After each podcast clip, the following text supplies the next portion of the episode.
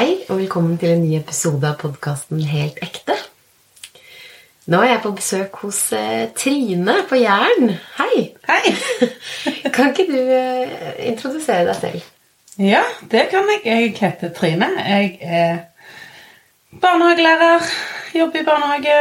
Eh, Jeg kjenner jo dere og er heldig å ha mange kjekke folk i livet mitt. Ja. Og jeg er kristen. Ja. Ja. Vi eh, har jo vært, eh, kommet til Jæren for å dra på bedehusfest.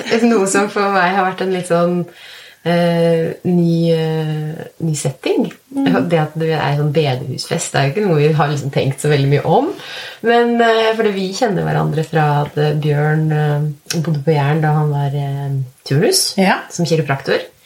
Og så dro han eh, på Bare surfa en januardag, og der var det noen mennesker som gjorde det samme. Ja.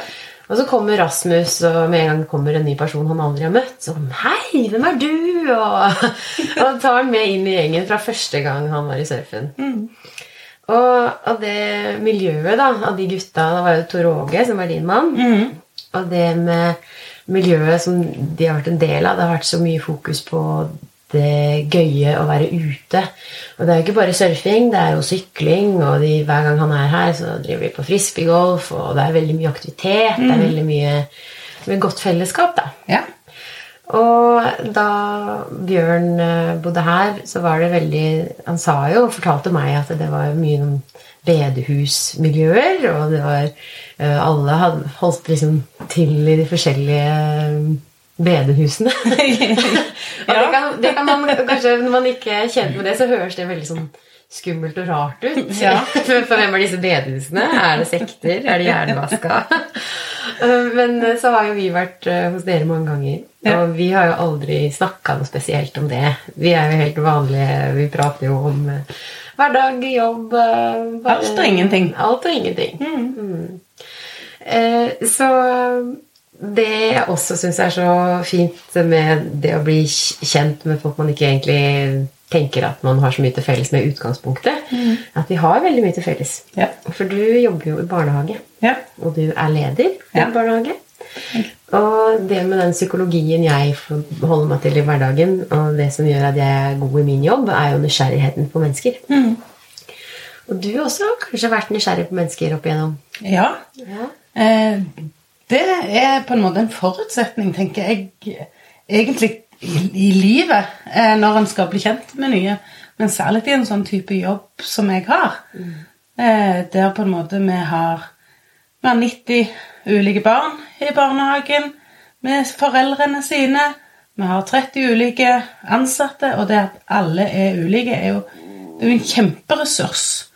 For at, eh, jeg sier jo det at stakkars de 90 barna som er så ulike, hvis alle de 30 som jobbet der, var helt like. Eh, og det å på en måte være nysgjerrig og bli kjent eh, med andre mennesker, eh, det tenker jeg er jo Det er jo det som gjør livet spennende, tenker jeg. Og der, Jeg har tidligere i denne podkasten snakka om hvor utrolig fin den jobben barnehagene gjør her. For de er så gode på refleksjoner om hvem er jeg, og leke og se verdien i leken. Kan ikke du si litt hvordan dere jobber i barnehagen, hva som er viktig for dere? Jo, altså, jeg tror noe av det viktigste når vi jobber i barnehage, det er jo det å være gode på relasjoner. Og det å ha mulig, altså, det å ha evnen til å se hvem blir jeg i møte med deg, og hvem blir du i møte med meg. Eh, for at eh, både i barnehage og i skole òg, eh, så er det de voksne som har ansvaret for relasjonene. Eh, og da må vi på en måte tørre å Vi må tørre å se at av og til er det vi voksne som er eh, utfordringen med at ting ikke fungerer. Eh, Det er ikke ungene, det er ikke foreldrene. Det er vi som på en måte må jobbe med, med oss sjøl, da.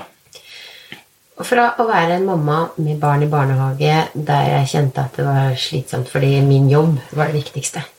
Jeg skulle eh, være god i jobben min, og for å bygge meg en karriere så måtte jeg jo liksom være mest mulig tid på jobb. Og jobb var faktisk det viktigste. Og så Ja. skjønner jeg at det blir en sånn mamma som kanskje er litt stressa i både levere- og hentesituasjon.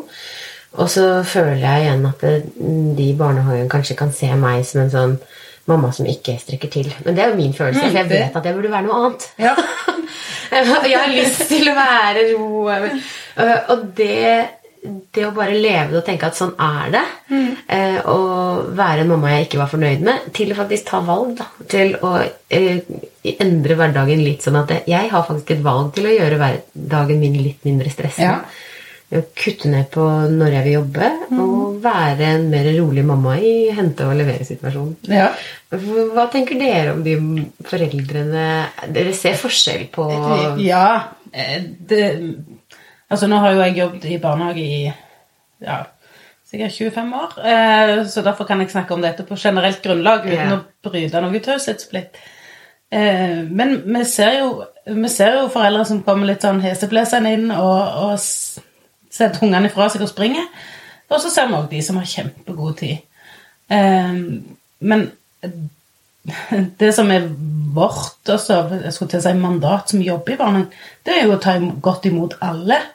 eh, Både foreldrene og ungene, og heller roe ned. For, for vi vet jo òg de der morgenene der du har forsovet deg, og du springer Du skal nå noe, og du nesten bare hiver ungene inn i barnehagen. Altså, det, vi har jo òg vært borti de som foreldre. Ja. Så, så det er nok eh, Jeg tenker vi, vi må bare være gode på å møte, og så må vi på en måte si noe om Altså, Vår jobb er jo at hverdagen til barna, barna i barnehagen ikke skal være sånn preget av stress og kaos. Eh, Jeg tenker på det med følelsen da, av hvordan barnehageansatte ser på oss. Og det er kanskje det Ja, fordi jeg er litt uh, prega av kritikk. Ja. Og det å bli For å finne ut av hvem, hvilken posisjon man har. At Mm. man ofte hører kritikk.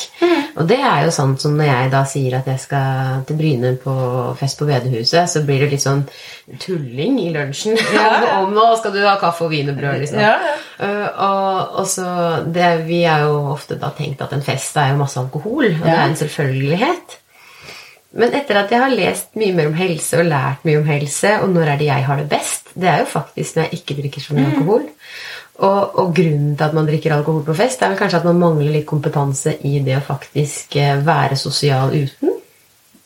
Ja, det er, jo, det er jo vanskelig å uttale seg om, men, men klart det er noen som absolutt trenger den der lille for å si, drikke seg til mot. Og så er det noen eh, som syns at alt blir litt kjekkere med litt innabords. Og det tenker jeg at det er opp til hver enkelt. Eh, og det er jo mange kristne som òg drikker alkohol. Ja, så dere også har det- fester der. Ja. Men du er jo ikke sånn at du bare har venner. Nei, absolutt, absolutt ikke. Jeg kan fint ha en fest. Eh, samtidig så er det noe med hva setting det er i. For når jeg er ute med jobb, f.eks., så er det veldig sjelden jeg drikker. Men det handler ikke om mitt livssyn. Det handler om at jeg er leder. Jeg, skulle det være noe som skjer, så er det jeg som må ta ansvaret uansett. Eh, så det handler jo mer om den biten. Eh, men jeg har jo venner i på en måte eh, alle, alle samfunnslag, skulle jeg til å si. Det er ikke sånn at jeg eh, går kun med kristne. Eh, jeg, mine nærmeste venninner er ikke kristne. Eller det vil si, jeg pleier å si at det, hvem er jeg til å definere det? Mm. for at eh, det, det er kanskje mer riktig å si at de går ikke i kristent miljø. For hvilke forhold de har til Gud, det tenker jeg er mellom deg og Gud, og ikke mellom meg og de. Eh, for det syns jo jeg Jeg mener jo at det, folk kan jo være kristne uten å gå på bedehuset, da. Eh, for det handler jo om den relasjonen de har med Gud. Så hva er, er det kanskje veldig personlig å spørre om, men hva er din, ditt forhold til Gud? Da? Hva er din definisjon av kristendom for deg? Eh, For meg går det på, på det at jeg tror at jeg, jeg tror det er en Gud, og så vil noen si ja, det er jo kjempenaivt. Så tenker jeg ja, det kan folk tro. Eh, Men det er mange som tror på ulike ting, og jeg har valgt å kalle den krafta Gud, eh, og tenker at det er det. Eh, Men for meg går kristendommen ut på det å være et godt medmenneske. Det å møte folk med åpenhet, raushet. Det å på en måte være Sånn som vi snakket om, dette med å være nysgjerrig på andre. eh, Og prøve å hjelpe der jeg kan. Det å bidra hvis, hvis det er noe jeg kan gjøre for å gjøre ting bedre. Ja. På den festen vi var på fredag, så starta jo han jubilanten Rasmus, som var 50 år, med å stå og uh, takke og være så takknemlig for alle de fine menneskene som var der. Og det å faktisk da være en mann på 50 år eh, som eh, sier høyt til alle hva han er takknemlig for, og også da mm, be en bønn der, til Jesus, og, og si at eh, takk, Jesus, for eh, dette her. Og så tenkte jeg blir flau nå når han står og ber foran alle. Og så tenkte jeg at det er det mest dagligdagse. Og sånn som i Heart Mentality, da, som jeg er en del av, der man gjør det bare fordi av rasjonelle tanker fordi det er sunt for oss å tenke over hva vi er takknemlige for. Og det å faktisk da ha denne tiden til å roe ned nervesystemet også har en enorm helseeffekt, sånn som vi har snakka med Ja. Torkel Færø om. ikke sant? Og ser vi alle disse positive helseeffektene det er å ha gode relasjoner til mange der vi er trygge på hverandre. Mm. Så det var jo et fint sted å være. Og samtidig som vi satt sammen noen på, som vi da ble veldig godt kjent med. Han en veldig veldig god samtale med, som også interesserer seg for de samme tingene som oss. Ja.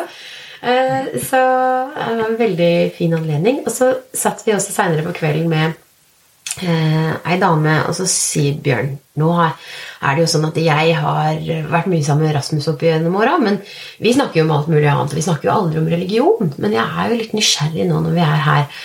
Eh, hva er himmelen? For da satt vi med en bok da, at man har himmelen. Skal, hva, er, hva er din grunn til å være så sikker på at dette her er svaret? Og hun sier at jeg vet at uh, Gud er der for meg, og det at når jeg dør og kommer til himmelen, så kommer jeg til Gud. Og det er det som er godt. Og uansett da om det skulle skje noe med barna mine, eller om det skjer en ulykke, så vet jeg at vi kommer til å være sammen hos Gud. Og så tenker jeg, Det er jo igjen ganske naivt å tenke at uansett hva som skjer, så gjør det Men, men det også er jo det med mentaltrening å se at man kan faktisk ikke påvirke de bekymringene man har om hva som skal skje.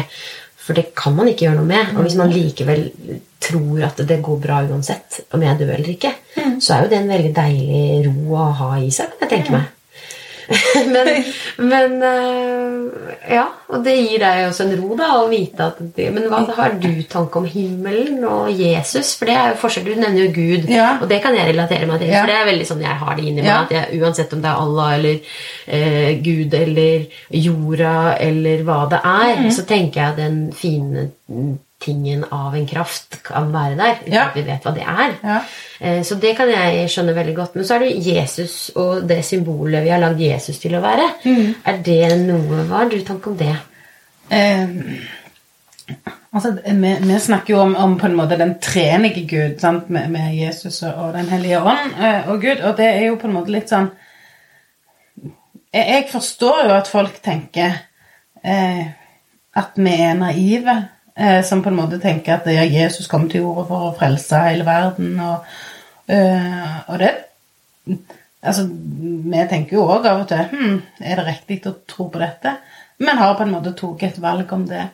Eh, for det som ifølge Bibelen Jesus gjorde, var jo at det var han som kom og redde oss. For i Gamle testamentet så var det jo enormt mange sånne Hvis du skal være kristen, så skal du det og det og det og det og det og det og det. Og det, eh, og det er det jo Nå kan jeg jo si at jeg har ikke lest Gamle testamentet, men det er jo ingen som hadde klart å etterlevd alt det. Eh, tror jeg, i dagens samfunn. Eh, så for meg er nok Jesus den som kom på en måte og sa at eh, Hva skal jeg si eh, eh, Være greie med hverandre. Eh, Og mennesket er full av feil, men at Ja, vi skal ja. bare på en måte tilgi og la, la det gå, og så ta heller og inkludere, da. ja. Eh, jeg tenker Det største feilen, tror jeg, i verden, eller iallfall i, i Norge, skal jeg si, det er at vi dømmer hverandre. Eh, at en dømmer muslimer, en dømmer kristne, en dømmer Altså, Det er veldig mye fordømmelse. En dømmer de som heier på Manu, en dømmer de som Ja, altså det, ja. Fint det å kalle folk i bås, da. Ja. Uansett hvilken bås du er, så har du en fordømmelse eller en tanke Ja. om eh, de. Eh, og det syns jo jeg blir veldig feil. Eh, ja. Eh, For jeg tenker jo at det med, med alle mennesker, enten en er her eller der, har sine svakheter og styrker. Og vi gjør feil alle. Eh, og det tenker jeg er en del av selve livet. Eh, ja. Og jeg tenker sånn som Jesus var som person Jeg tror jo at Jesus har fantes. Jeg Ja. tror at eh, han var en veldig, veldig fin eh, person som da var en som tilga, som ikke fokuserte på det negative, som ikke fokuserte på status, men han var en sånn Det var god å være, godt å være rundt. ja. Som sikkert var en god samtalepartner. Som sikkert da hjalp folk med sine problemer ved å lytte. Og det er jo en sånn person som mm, veldig mange gode mennesker kan være. Mm. Men de får kanskje ikke noe stor oppmerksomhet. Og, og det som var forskjellen, var at noen kanskje da så den trusselen han var, og lagde han til enten en trussel eller et gudebilde. Og jeg tror For det sy- symboler Vi har så veldig stort behov for å putte noen opp til å være et symbol. Sånn som uh, Haaland er jo her fra nærområdet. og han har jo blitt et stort symbol. ikke sant? Ja. Han også er jo et vanlig menneske som har en uh, spisskompetanse og er dritgod til å spille fotball. Men han har blitt på en måte et gudebilde for veldig mange. da.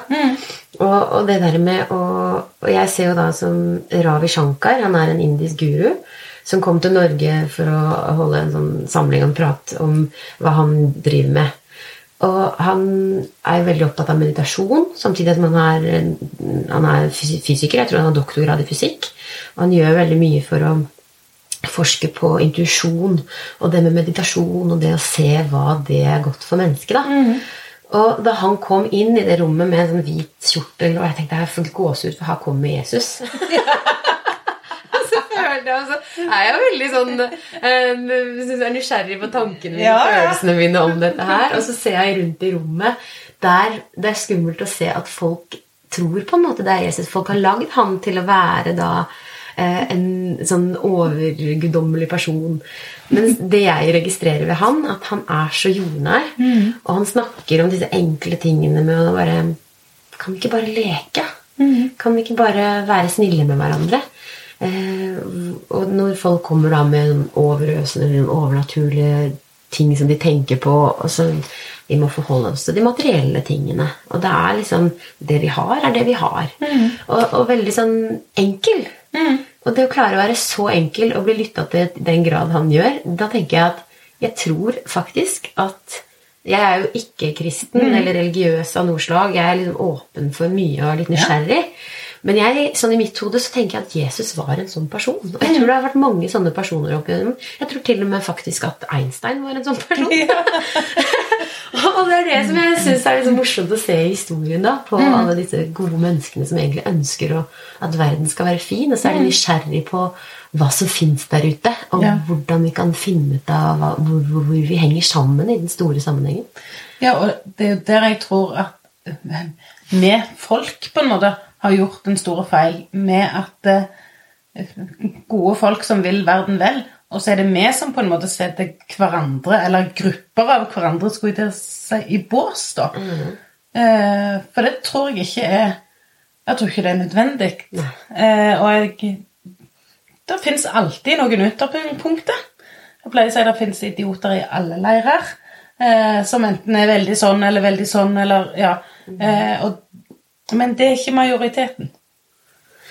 Og jeg kan tenke meg i ethvert miljø Sånn som jeg også er oppvokst i en gjeng, på en måte, og, og i større grupperinger så vil det jo være usikkerhet i enkeltmennesker. Og, og du har jo fortalt meg tidligere at du er ganske trygg i deg selv. Hvordan føler du at din oppvekst og hva din, dine Det å være trygg, hva tenker du Nei, jeg, jeg helt, altså, Hvorfor jeg er sånn, det vet jeg ikke. Eh, men jeg har nok stort sett alltid Jeg skal ikke si at jeg ikke var usikker, jeg òg, i, i tenår og, og, og sånne ting. Men jeg har på en måte hatt en litt sånn innebygd hva skal jeg si, eh, Et godt sjølbilde eh, på at eh, Ok, du liker ikke meg. Ja, det var jo kjempesynd, men livet mitt raser ikke av den grunn. Eh, og klart, hadde jeg eh, vært veldig opptatt av hva alle andre syns, og hva alle andre tenkte om meg, eh, så kunne ikke jeg hatt den jobben jeg har. Eh, for jeg er leder for 30 damer, eh, og har vært det i ganske mange år. verdens beste gjeng. De er så flinke. Men det gjør jo, altså som leder så må du jo av og til ta noen avgjørelser som ikke alle er enig i, og sånne ting. Og det, hvis jeg da skulle blitt veldig vinglete eh, i meg sjøl og lurt på gjør jeg det rette, så hadde jo det blitt kjempetøft mm. å stå i, både for meg og de rundt. Eh, Og jeg tenker da I grupperinger så sier du at det er jo gal galninger i alle leirer. Og så tenker jeg på det som da er de som er litt usikre, som har behov for å søke bekreftelse kanskje ved da å snakke dårlig om noen for å trygge seg selv, at det kanskje er en klassiker. Er det noe du også kanskje har opplevd sett, observert? Eller hva er grunnen til at er det baksnakking? Er alle bare oppriktig positive Nei. hele veien i alle kristne miljøer også? Nei, nei, nei. nei, nei. Eh, det vil jeg ikke påstå. Nei. Eh, og jeg tror det er, er baksnakking der, akkurat som jeg tror det er i alle miljøer. Ja. Eh, om det går på de samme tingene, det, det vet jeg ikke. Altså, det, det, det, det er jo alltid sånn at det, Jeg tror det er Sigvart Dagsland som har en sang som er sånn Én må mobbes, én må svi, så vi kan tro vi sjøl går fri. Eh, det at det, der er noen, og, og det har helt sikkert jeg òg gjort, dette med å snakke andre ned for å heve meg sjøl òg. Eh, og det tenker jeg jo er en uting uansett. Eh, men jeg tror nok kanskje det er like mye eh, i kristne miljø som i andre miljø. Det er mitt inntrykk, da. Jeg bodde sammen med ei da jeg var, bodde en kollektiv i Bergen. Da jeg flytta etter videregående. Og hun hadde vokst opp i et kristent miljø og blitt mobba. Og hun sa at det var det med at alle skulle liksom si en ting og være en ting, men så levde de noe annet. Og det tenker jeg at skjer uansett om det er arbeidsplasser eh, som har på en måte en visjon om at her skal vi ta vare på hverandre, men så lever de noe annet.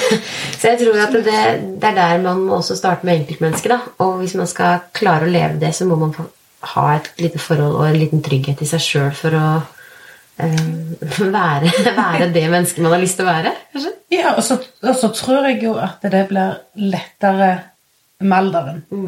Jeg tror jo at de fleste 13-åringer skulle jeg til å si, er litt sånn vinglete og frynsete og, og snakker litt med og mot alt etter hva de andre mener. Eh, men jeg tenker jo at Eller jeg håper jo at etter hvert som en blir eldre og blir tryggere i seg sjøl, at det er noe en kan slippe. Eh, både å bli utsatt for, for det er ganske tøft å bli utsatt for det, eh, og, og at en ikke er med og bidrar til det.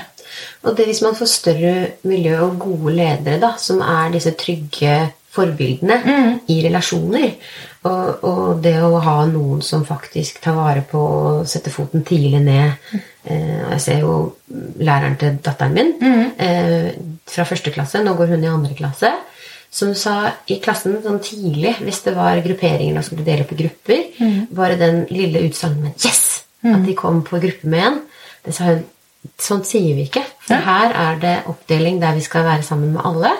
Og, og de man ennå kanskje ikke er eh, venn med, eller bestevenn med, de blir man med med. Så det skal være det samme hvem man kommer på gruppe med. Ja. Så hun luka tidlig ut bare den der yes-kulturen. Ja. For det er den som ikke det blir sagt yes til.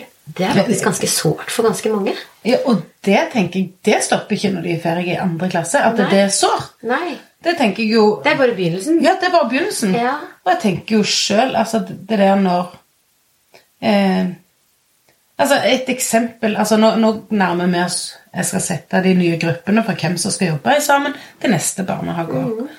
Eh, og bare der, hvis det er noen som får sånn Yeah, vi får jobbe i lag, og så er det noen som sier Å ja, vi må jobbe i lag. Altså, eh, og det trenger ikke være vondt ment, men, men den sårheten det er eh, Så da har vi jo funnet gode strategier på hvordan vi skal gjøre. Igjen, jeg må bare si jeg har verdens beste kollega, så det er ikke et stort problem, men det er jo noen sånne ting vi må, vi må finne. Ja, det, Ja. det blir litt sånn. Så må vi finne løsninger på det, da. Ja. Eh, men men eh, Nå glemte jeg nesten hva det var vi snakket om. Eh, men, men dette med, med baksnakking Ja, det, det vil fungere Det vil foregå, tror jeg, i alle miljøer. Eh, og jeg tror ikke jeg er bedre enn noen andre. Det tror jeg kanskje. Men, men eh, jeg var på et foredrag som het 'Omgitt av idioter'. Der jeg fikk en liten sånn eh, oppvekker til eh, sin egen rolle. Og jeg har tidligere ikke vært noe bedre enn alle andre på å snakke om. For jeg tenker at når jeg har snakka om noen, så har jeg en veldig god grunn til å gjøre det. Og selvfølgelig trenger jeg en ventil som kan lufte meg, sånn at jeg kan heve meg for meg selv, sånn at jeg skal føle godt.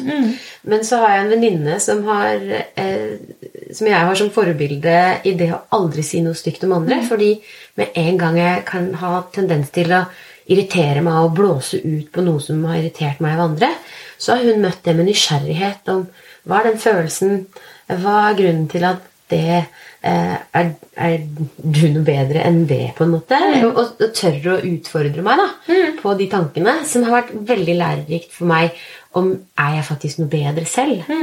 Og, og det har vært veldig veldig spennende samtaler, og jeg har lært så utrolig mye om meg sjøl. Sånn at eh, å ha gode venner som ikke bare jatter med og sier sånn Ja, uff, ja, så forferdelig dårlig gjort av henne å gjøre det. Og gå videre i den praten, da. Ja. Fordi det er jo det vi vanligvis gjør, og det er en helt naturlig ting, for det, det, det trygger, og det skaper liksom den der alliansen av Med mot henne. Ja. De. ja. mens, mens det fører jo ikke til noe videre endring og personlig utvikling, og da vil jo verden være det samme hvis alle bare fortsetter sånn, tenker jeg. Eh, Og så har vi ganske mye makt i det vi sier. Altså, eh, tilbake til jobb. Altså, hvis jeg sier til en av mine kollegaer har du lagt merke til at Cecilie alltid kommer for seint. Så altså, Hun har sannsynligvis ikke lagt merke til det, for det har kanskje bare skjedd to ganger. Men neste gang du kommer for seint, så sier jo hun òg Ja, det er sant! Altså, vi skaper en sannhet som kanskje ikke er der. Og så er det kanskje jeg som kommer for seint like mye som deg. Men det er det ingen som har satt ord på. Så, så vi må på en måte være litt sånn Ja, vi må verne om, om folk. Eh, samtidig så er det jo sånn at når jeg er leder, så er det jo ting jeg må ta. Det er jo ikke sånn at vi bare kan hjerte med. Eh, og jeg må kunne høre eh, hvis det er noen som har noe å komme med. Men spørsmålet er jo hva velger jeg da å gjøre med det? Det er Eller velger de å gjøre med det? Og det å kanskje gå til den som kommer for seint. Yes. Hva er utfordringen din Ja. til å ikke møte det tida om morgenen? Er det noe vi kan finne ut Kan av? vi legge til rette? Skulle du hatt ei senere vakt? Altså, Ja. ja. Så det å være litt nysgjerrig igjen, da. Ja, Mm. absolutt. Og det med omgitt av idioter, og det å faktisk se på personlighetstyper også, det lærte jeg veldig mye av da jeg var avdelingsleder i den jobben jeg hadde. Og det er sikkert sånn som du ser også, hvis man skal klare å eh, samle og få det beste ut av 30 damer, så må man jo og tenke at alle skal ikke være like. Mm. Mens i mange bedrifter så søker man egentlig det like, og så er det de som er bra, og så er det bedriften ganske farga av, i hvert fall sånn i det private, da, på typene. Så vi er liksom A-laget, for vi er, vi er bare sterke og gode. Og, og de som ikke er det, de kan nesten ikke jobbe her. Men det, sånn fungerer jo ikke, og sånn er jo det ikke heller. Men hvis man da prøver å leite etter de forskjellige kvalitetene, og sette lagene sammen og gruppene sammen til å utfylle hverandre Ja. Eh, Og det, det tenker jeg er jo kjempeviktig. Og så er det jo òg noe med at eh, i barnehagen så er det, det er ganske homogene grupper som jobber der. Det er barnehagelærere eller barne- og ungdomsarbeidere, stort sett. Det er de to gruppene. Eh, og, og så er det òg noe med skal vi ta hensyn Altså, vi skal jo skape gode lag rundt barna. sant?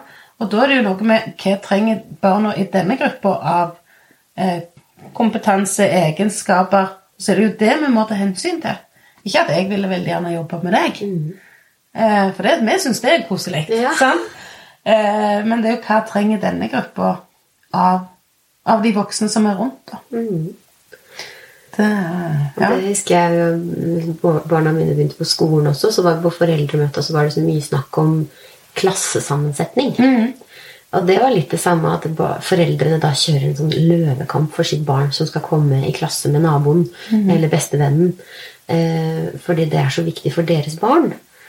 Og så tenker jeg ja, forstår bekymringen, fordi vi vil gjerne gjøre barna våre trygge. Men så må man også se helheten. Og sånn som skolen, da, som er i hvert fall Ringseg skole, som jeg kjenner til, som da gjør en kjempeinnsats og en kjempejobb for å konstruere gode læringsmiljøer, og da ikke kan ta hensyn til gammelt vennskap som kanskje da ikke eh, er så sunne som man trodde, kanskje. For eksempel. Eller det vet man jo aldri. Nei, nei. Så man må jo ta ansvar for hele klassen, og så må barn også tilpasse seg uten andre faktorer enn akkurat sin bestevenn. Ja. Eh, Og det, det syns jeg er så viktige tanker. Men når foreldre da kommer og lager mye um, urolighet og overkjører den faglige kompetansen til de som faktisk har brukt mye tid på det, det er jeg litt nysgjerrig på hvordan mm, hva som foregår i oss. Men det er utrygghet og usikkerhet, sikkert. da. Ja, jeg, jeg, Hvordan- og så, så tror jeg jo òg at eh, For vi har, vi har ikke hatt sånne utfordringer på, på mange år. Nei. Eh, men jeg tror det handler litt om at eh, både lærere og, og barnehageansatte altså vi, vi må tørre å på en måte si Jeg forstår hva du mener, men min faglige kompetanse tilsier at vi skal gjøre det sånn. Mm. det å være litt sånn trygg i den. Mm. For det at foreldre kan si veldig mye om hvordan sitt barn fungerer hjemme, hvordan sitt barn fungerer med naboen som de ser. Mm. Men det er vi som ser barna i gruppe. De fleste har ikke 16 unger hjemme hos seg eh, hver dag etter skole- eller barnehagetid. Men vi ser det. Så vi ser, ok, vi, for, vi forstår at det, du vil at ditt barn skulle leke med, være i klasse med det, eller være i avdeling da, hos oss eh, med den. Men vi ser at her trekkes ikke de mot hverandre. De leker ikke sammen her. For det at eh, de leker nok såpass mye i lag hjemme at eh, her leker de med andre. Og det er jo en kjempestyrke. Men jeg tror det går litt på at vi, både, ja, både skolepersonell og barnehagepersonell må på en måte tørre å si vi prøver dette. Dette Vår faglige vurdering er dette. Jeg ser på min eh, erfaring med at jeg tidligere har vært veldig opptatt av å posisjonere meg i en gjeng. da. Og, og vite at man skal på en måte være den kule. Det er veldig flaut å innrømme. men jeg tror kanskje vi er lagd sånn. Ja. fordi jeg vet jo at genetisk sett så er det viktig. Ja, det er det. Og, og det også har jo vært eh, grunnen til at uh, damer da, som eh, har vært hovedfunksjonen å sikre barnas fremtid, Mhm. har gjennom historien vært sånne knivstikkende syrlige som til og med har sørga for at uh, romerske folk har blitt drept for at barnet deres skal bli keiser. Så Ja, det, ja, ja. det her er jo noe som ligger i oss, og det er kanskje en grunn til at uh, mange av de dumme tingene i verden. Men, og så ser jeg da at det jeg selv gjorde for meg sjøl, for, for å se eh, Og hun, hun trekker seg mot Hun har jeg lyst til at skal være min venn. Og kanskje i begynnelsen så var det kanskje ytre ting eh, som gjorde at jeg tenkte at jeg da ville være venn med den. Og det som nå er vært på en venninne som jeg nå har fått, som jeg da tenkte at det, er det det ytre ved henne at hun ser kul ut, som gjør at jeg har lyst til å være venn med henne? Så jeg trekker meg nesten bort. For jeg ville ikke liksom Jeg ville bryte det mønsteret at jeg skal ikke bare være venn med henne fordi hun er kul. Men nå har vi blitt veldig, gode kjent, eh, veldig godt kjent, og hun er jo en sånn fantastisk person, og vi har veldig mange sånne gode samtaler og, og, og har blitt ordentlig gode venner. da. Så jeg har jo trukket mot henne av andre grunner. Men, men jeg tror vi er sånn at vi, vi trekker mm, for å sikre barnas liksom, gjeng. Ja. Og så er det noe vi fortsetter å gjøre for barna våre eh, etterpå.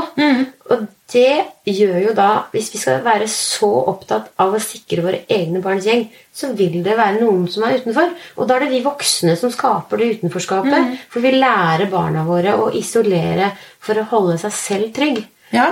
Og hvis vi ikke bryter den sirkelen, så vil det fortsatt alltid være utenforskap. Ja, eh, og jeg, jeg har et eksempel på det. For under koronaen så var det jo en periode der de kunne være fem, eh, fem i lag.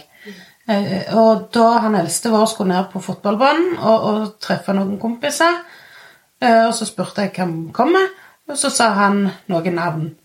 Og så sa jeg oi sann, det ble jo seks stykk. Sant? Så sier han men helt seriøst, mor, tenker du at vi skal si at når den siste kommer, at han ikke får være med? Han får begynne for seg sjøl der borte. Vi kan ikke gjøre sånt. Og så tenkte jeg nei, det kan vi faktisk ikke. Eh, og det tenker jeg da det var litt, å, jeg, jeg har lært noe, da. Lært av han noe. Ja. Eh, men, men det er jo noe med det at vi må jo på en måte ta det ansvaret sjøl. Ja. Eh, samtidig så ser jeg jo at som foreldre så er det noen ganger der vi må stå opp for våre barn. Ja. Eh, nå har jeg eh, to gutter med dysleksi som har gjort at jeg har måttet tok en kamp med skolen. Sant? Men det går, på, det går ikke på inkludering i klasse, det går ikke på sånne ting. Det går på faglige ting. Og der tenker jeg òg at vi Da må vi noen ganger kjempe for våre egne. Ja. Eh, men det å på en måte ha ha felles regler i klassen. Hvem inviterer vi, og hvem inviterer vi Eller ikke hvem inviterer vi ikke, men at det at vi har rene linjer på det. Eh, I barnehagene òg. Dette her med hva gjør vi når det er uenighet blant noen i klassen? Snakker vi med foreldrene det gjelder, eller snakker vi om de? Og det er superviktig. Og det du sier med det der med eh, Det at du må være kjempestolt når han sier at du Ja, kan ja. ikke holde noen utenfor. Jeg Ja. bare wow! Ja. Mens jeg ser ofte sånne foreldre at nei, de kan ikke leke med noen andre nå, for nå er det ikke så fin lek her. Og det kan man jo også kanskje verne om hvis man har mulighet. Men, men jeg har vært jeg har hørt det fra jeg var liten, at nei, men jeg kan ikke leke tre. For da vil det alltid være en som er utenfor. Er det noen som har sagt. Ja. Og det er jo helt uenig i. Ja. Så hos oss så har vi litt sånn at hvis noen ringer på, Ja. så er de velkommen. Og så kan vi heller veilede i hvordan inkludere den i det som foregår. Ja. Og så kan vi være den voksenpersonen. Det er sånn vi har valgt å ha det. For jeg har fra jeg var liten vært veldig sensitiv for det å bli holdt utenfor, og syns at det har vært ganske vanskelig. Ja. Eh, Så derfor er det noe jeg har lyst til å prøve å gjøre noe med. Så, men, eh, og det der du sier med skole også Jeg har jo også hatt en ganske kamp der jeg føler at jeg må da vise de hvem sønnen min er, og hva utfordringen ikke fordi læreren er dårlig. For hun er jo veldig, veldig god og har eh, læreplanen å forholde seg til, arbeidsgiver å forholde seg til. Altfor mange elever for å, at hun skal gjøre alt det som er i hennes uh, jobb. Ja, ja. Uh, Men jeg, sånn som systemet ødelegger uh, Eller i hvert fall også skolehverdagen, da. Som har gjort at han har da fått denne angsten tidligere som han hadde for matte, og gjort at han hadde det vanskelig sosialt også. Så da må man gå inn og så hjelpe og støtte sitt barn på best mulig måte. Og det har jo sikkert du hatt en kjempekapasitet til fordi du, du kjenner på en måte og har en trygghet. Og, men for de som ikke har den ressursen, Ja. det er de jeg er redd for. Ja, og, og det er jeg helt enig med deg i. Eh, Det er en ting Jeg, jeg var jo skulle til å si heldig. Jeg kjenner systemet. Jeg kjenner mange folk med mye kompetanse på dysleksi. Vi har veldig stor kompetanse på det i familien. Eh, Men klart min bekymring er jo eh, de som ikke har det nettverket, eh, og ikke kan på en måte gå de veiene sjøl. Og det finnes så utrolig mange flinke lærere der ute. Men det er noe med systemet som ikke fungerer optimalt, mener jeg. Eh, og jeg, eh, i barnehagen har vi en fantastiske ting som heter bemanningsnorm. Det skal være én voksen per seks barn, eller per tre barn, alt etter alder. Og klart, hadde vi, hadde vi vært sikre på at i skolen at det alltid var to voksne i klasserommet Jeg tenker det kunne vært en lærer og en fagarbeider. Altså, det, det Ja, jeg tror rammene hadde vært aldeles annerledes. Jeg leser en bok som heter 'Skolens omsorgssvikt'. Og der går de faktisk inn på hva omsorgssvikt er. Og det er jo det læringsbehovet som er så veldig satt i hovedfokus. da. Men så er det det behovet for trygghet og det å bli sett og det å eh, bli inkludert. Og da er det jo veldig mye snakk om eh, hvor mye kan en lærer gi av oppmerksomhet til 20 elever. Ja. Og også det med hva er mobbing? Og mobbing da er jo klass, typisk sett eh, fra definisjonen sånn som vi vanligvis ser det, er jo elever som utestenger eller er slemme mot eh, andre elever. Mens i denne boka så setter de også et lite blikk på hva karaktersetting er. Er ikke det på en måte mobbing fordi du, du gir gode karakterer til de som klarer det, mens de som da ikke klarer det av en eller annen grunn, føler jo at dette her blir en enorm angst og skam og mm. veldig mye dårlige følelser ved det å aldri være god nok. Du blir på en måte stempla da som dårlig. Og det er jo et ganske stort traume for veldig mange. Eh, ja. Så jeg håper jo at jeg har en egen, egen podkastsending om dette med om omsorgssvikt i skolen. For det er liksom, eh, vi tenker at det må jo være sånn. Hva er alternativet? Og hvordan, Hvis du kunne sett for deg skolen, da, du som har en veldig god kompetanse om barnehage, hvordan skulle du sett for deg en ideell skolehverdag? Eh, jeg tenker, altså, Nå er vi veldig heldige i barnehagen, for vi blir ikke målte på alle disse tusen tinga eh, som skolene blir.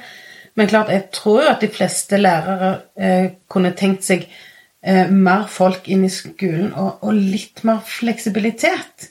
Eh, og kanskje òg mer altså, Vi så under streiken var sist i fjor at det, eh, det han blir stoppet på, er på en måte psykisk helse. Altså, det, Ungene trenger å være på skolen. Eh, og det at det er noen rundt elevene og lærerne som kan være med og bidra mer på det, for læreren har jo sin utdanning til, til det å undervise. Mm. Eh, så jeg, jeg, jeg, mener jo at det skulle være mer folk inn i skolen. Altså mm. mer, mer, ressurser. Mm.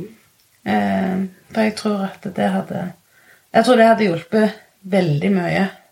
Både på ja, dette med å, å, at en får lagt til rette for gode start i skolen.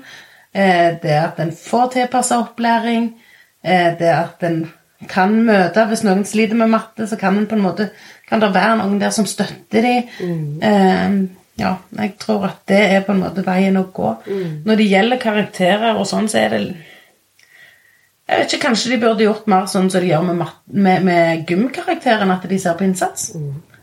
Eh, for klart, sånn som jeg har forstått det, så er det jo nå sånn at alle andre karakterer går jo på hvor flink er du, mens i gymmen så teller jo òg innsatskarakteren. Mm.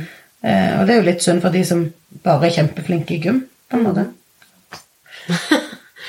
Nei, men eh, Og det jeg registrerer at det er med det med målinger Dere har ikke mm. målt, dere er ikke målt i ting. Nei. For med en gang man blir målt i ting, akkurat som barna blir målt i karakterer, og lærere blir målt hvor flinke de er mm. i, i, på grunn av nasjonale prøver, bare hoste.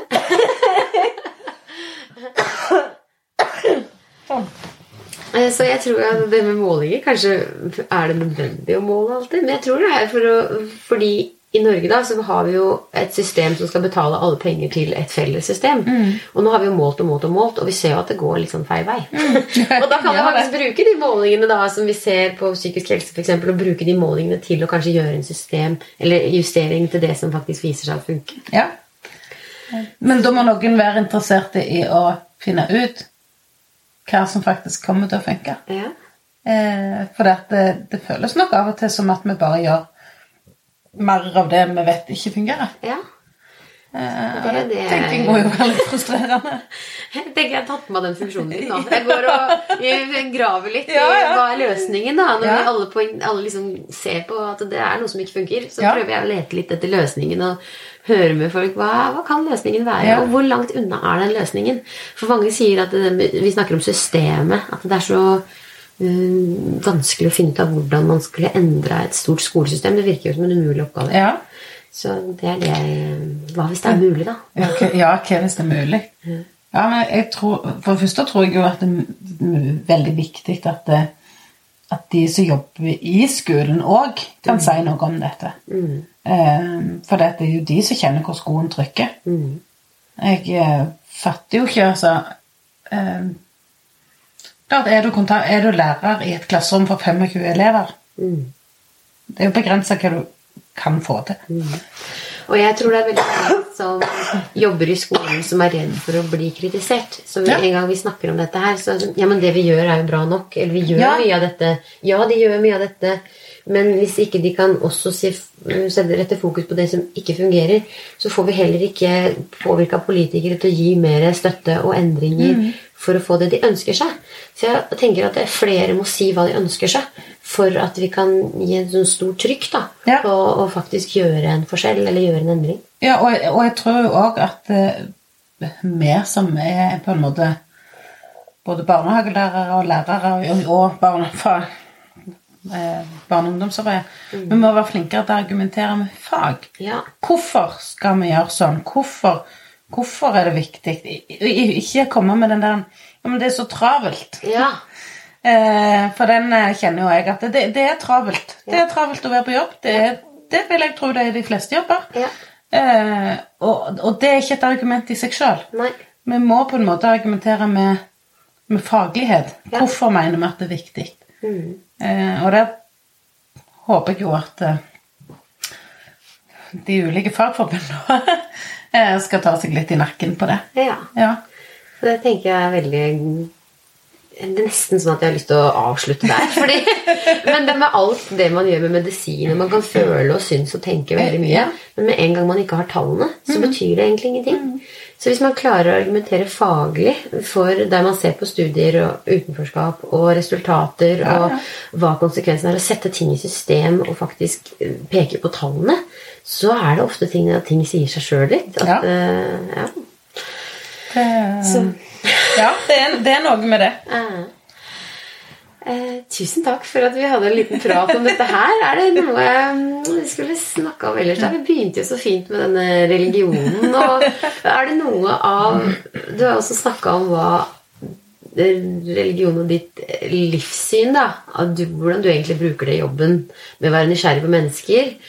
Um, er det sånn at det, kunne vi trenge mer eh, av disse tankene. Jeg tenker jo religion så er jo syn på verdier det jeg har egentlig også sett på. Og så ser jeg med det fine med verdier, og det som er manglende nå som kanskje ikke folk har så øh, mye tro lenger. At vi mangler kanskje det derre øh, kompasset litt. da. Og det også er noe som vi kanskje kan få litt sånn på plass også i, i, i skolen. At du trenger ikke ha regler for alt, men kanskje vi kan bare navigere litt på verdikompass for å, å se at eh, verdier er kanskje viktigere enn målbare resultater i hvor f- gode poeng du har i matte. Så, så også ta verdiene litt inn i den der eh, og funksjonen av verdier. Og det er jo igjen målbart med at medisinen Vi kan ikke sitte og være friske med bare effektivitet. Vi trenger faktisk hvilerom, kreativitet og pauser også. Ja. Og nå har vi tall på det, og da kan vi også kanskje putte det litt inn i fremtidens skole. Mm. Men uh, takk for eh, praten. Jo, Og takk for besøket. Takk for meg. Vi har bodd her hele helgen. ja, veldig koselig. ja. Takk for nå. Ha det.